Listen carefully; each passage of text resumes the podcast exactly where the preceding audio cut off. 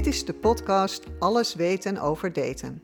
Ik ben Denise Janmaat, datingcoach voor singles die vastbesloten zijn hun partner te vinden. In 1998 startte ik de eerste datingsite van Nederland.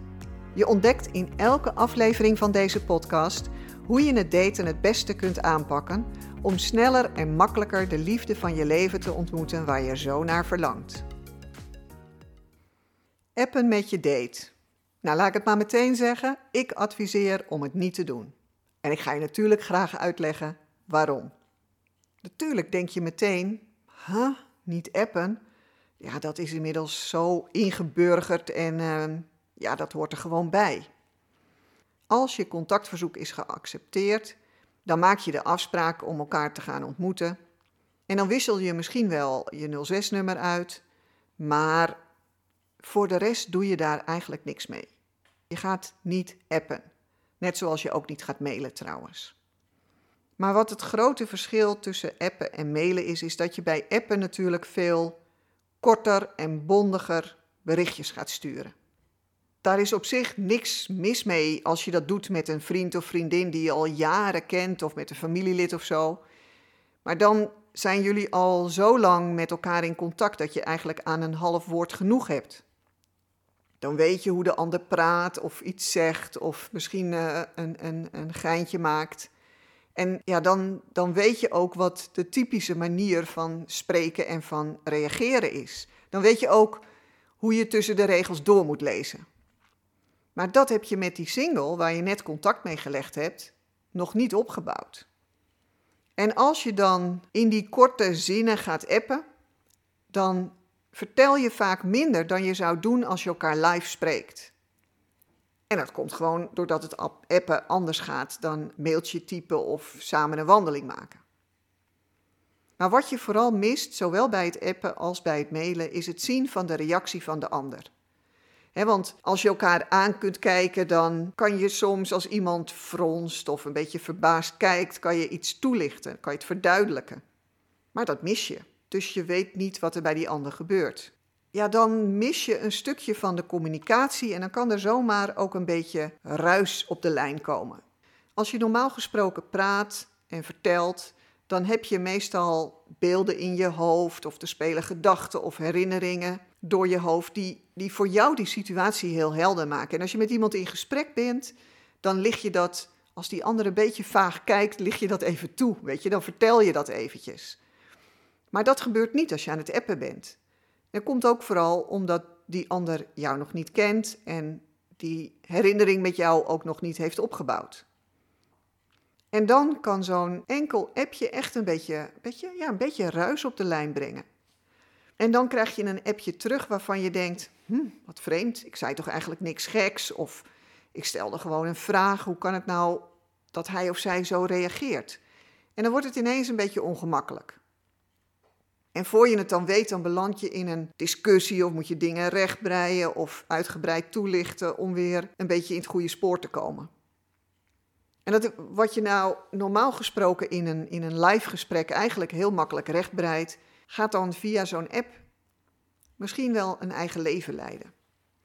En voor je het dan weet, heb je ja, misschien wel minder zin in die date die je had afgesproken.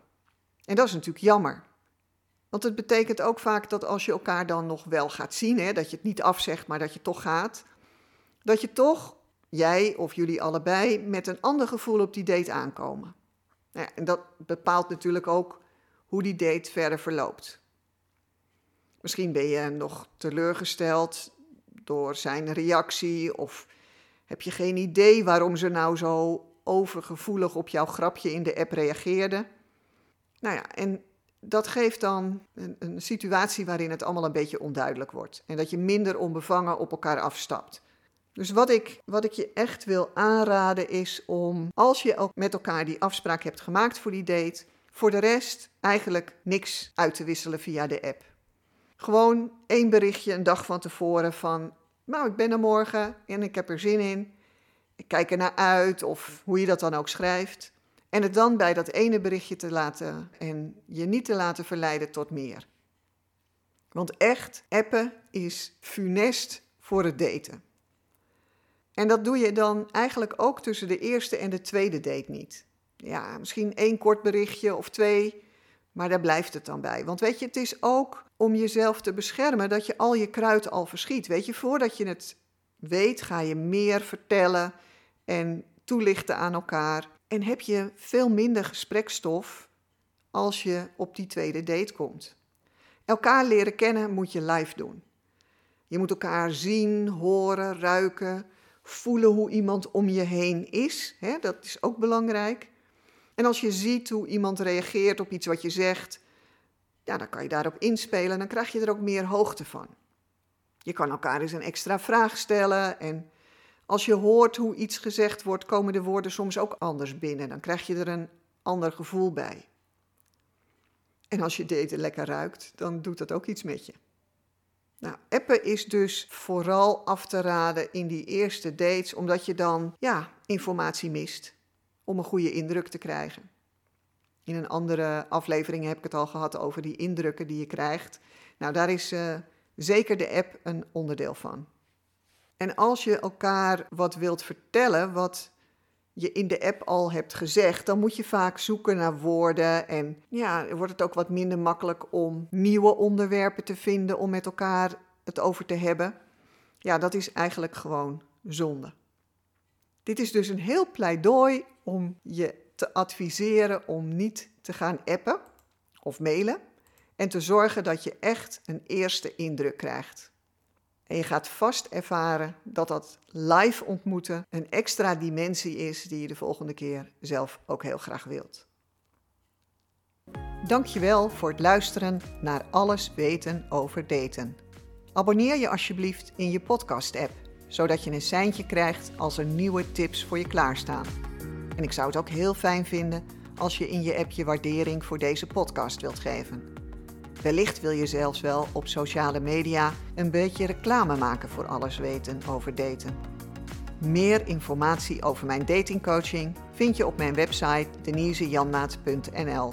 Tot de volgende keer.